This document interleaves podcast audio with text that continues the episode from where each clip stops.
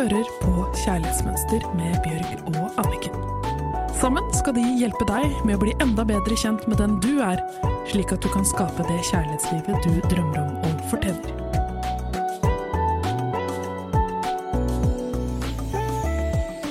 Velkommen til Kjærlighetsmønster! Da-da-dam, da-da-da-da-da-ram. Med oss i studio har vi Anniken Lien Mathisen, forfatter av boken Kjærlighetsmønster, samme navn som podkasten. Og så er jeg her i studio, Bjørg Thoralsdottir. Og vi har fått inn et lesebrev eh, som handler om en som fikk en tankevekker da jeg undertegnede eh, sa og ga et eksempel på hvordan kjærlighetsmønster påvirker oss. For jeg har vært veldig flink til å bare fikse alt selv.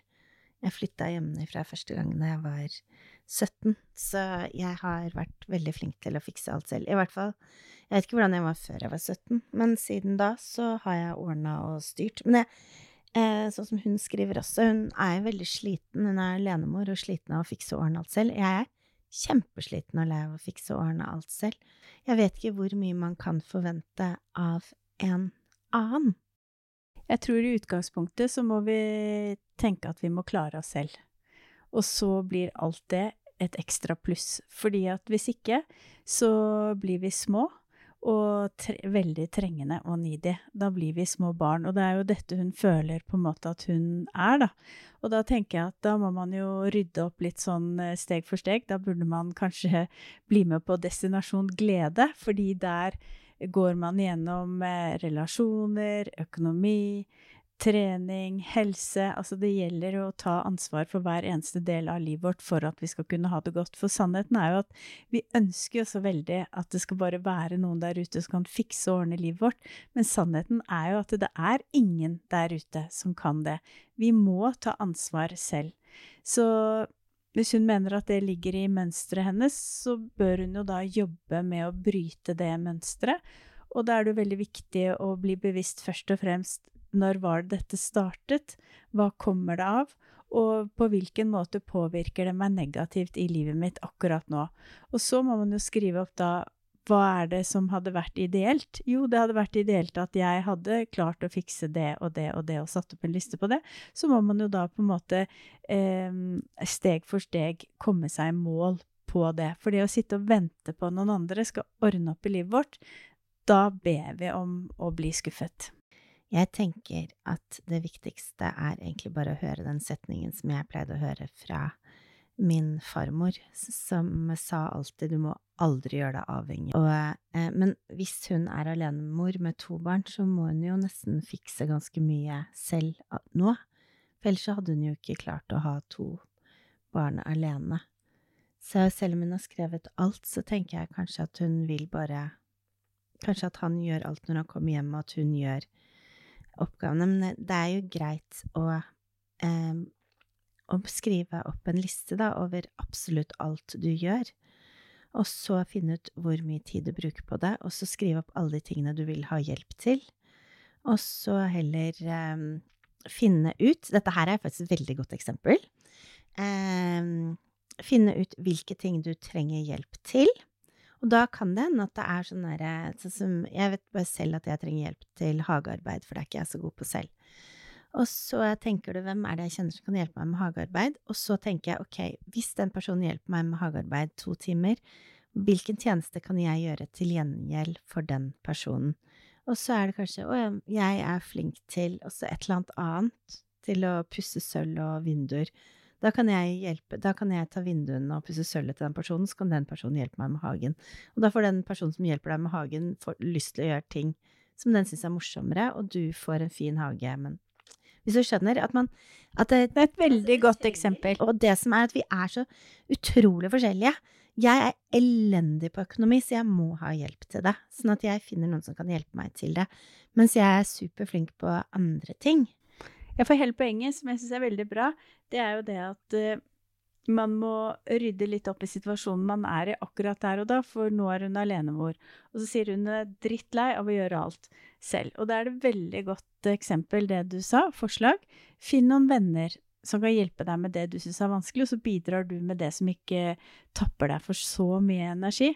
Fordi at det som er farlig, er jo å være i den situasjonen at når man da treffer en partner, så er man så drittlei av å være alene, og at du bare skal ha den nye partneren til å gjøre alt for deg.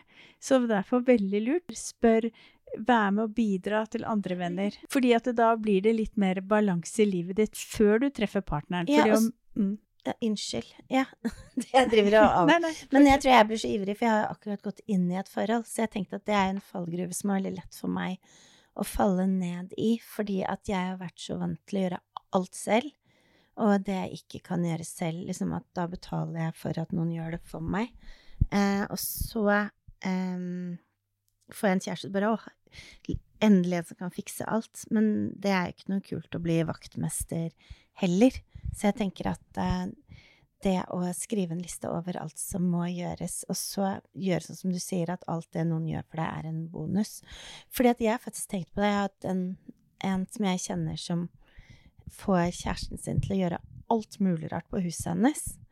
Eh, og han er ikke en sånn fyr som liker det. Det er jo noen som elsker å fikse og ordne for andre. Og da er det jo helt greit hvis det er deres initiativ, og de har lyst til å gjøre det.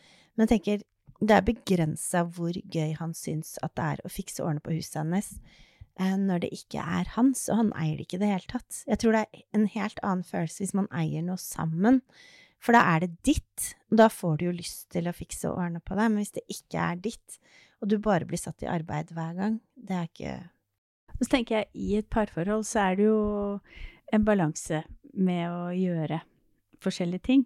Og da er det jo hyggeligst hvis man kan gjøre det man liker aller best, for da gjør man jo det på en veldig fin og positiv eh, måte. Så det at hun Et godt tips til henne er jo nettopp det å finne ut av hva er det jeg liker veldig godt å gjøre som gir meg energi, og så hjelpe andre venner med det, og så kan de hjelpe henne med det hun syns er litt mer vanskelig og strevsomt, for da øver hun seg også opp på å bli en god partner, hvor hun blir kjent med seg selv og finner ut av hva er det jeg liker å gjøre, hva er det jeg liker å bidra med, og hvilke oppgaver i hverdagen er det som er ok, og så da finne ut av hvilke er det jeg syns er veldig vanskelig, og det får hjelp til de. Og så får man spørre, men jeg tenker det er jo ikke sånn at det er en selvfølge selv om man får en partner, at den skal fylle de oppgavene man selv syns er vanskelig. Så det handler jo om å kanskje da ta hver dag og finne ut av hvordan er det jeg kan løse disse hverdagslige problemene, utfordringene i livet mitt, på en måte som blir ok for meg. Kanskje må jeg dempe listen, legge den litt lavere. Kanskje jeg krever for mye av meg selv, at det skal være for perfekt. Fordi dette livet må vi jo hendle med eh, på en eller annen måte selv. Så da må vi jo finne ut av hva er det i hverdagen min jeg kan altså ikke ha så høye forventninger til, eller at det må være akkurat sånn og sånn.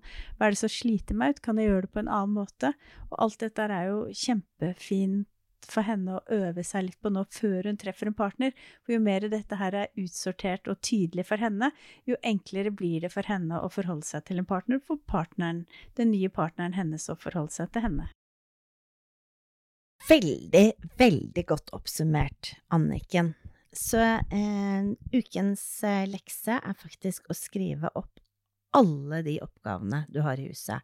Og hvis vi starter, så er det alt av eh, oppgaver rundt huset som husholdningsoppgaver, liksom det å vaske klær, trapper, altså alt det du skal holde orden på som en god husmor, eller husfar. Og så er alt sånn økonomi, regninger, eh, forsikringer, alt det der.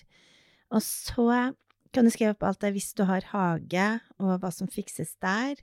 Hvis du har et hytte eller et annet sted, hva som skal fikses der, eller om du har eh, foreldre eller noen som skal ta vare på, eller og barna, hva som skal fikses og ordnes med de.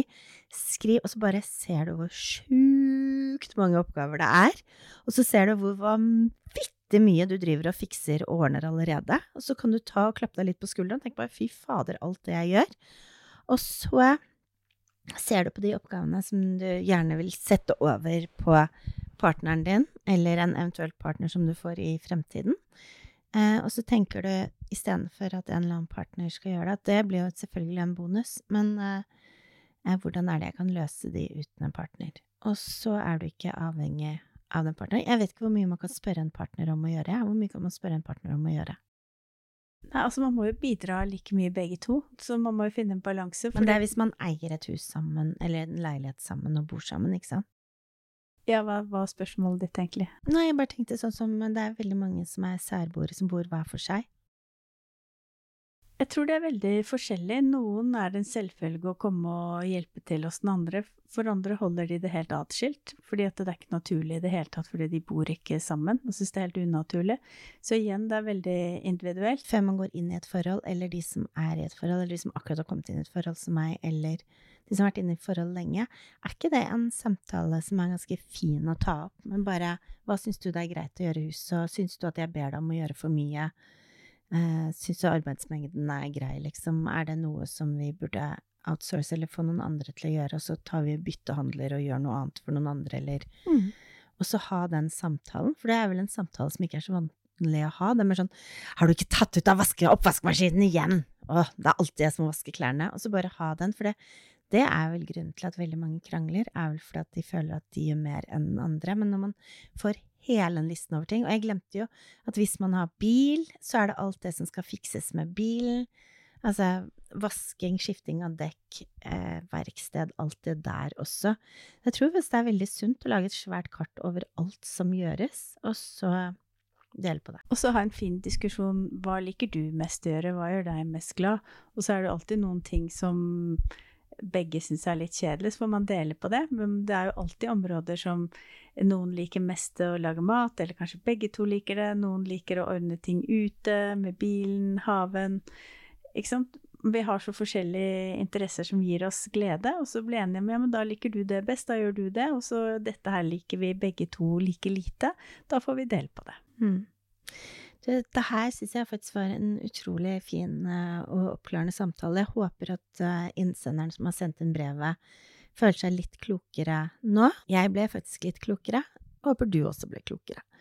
Masse kjærlighet fra oss, og så ønsker vi deg en utrolig fin helg. Kos deg!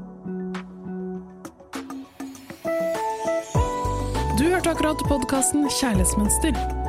Denne podkasten er produsert av Livslyst og Motivasjon, og produsenten har vært Ava Serr. Hvis du vil lese mer om kjærlighetsmønster, gå inn på kjærlighetsmønster.no.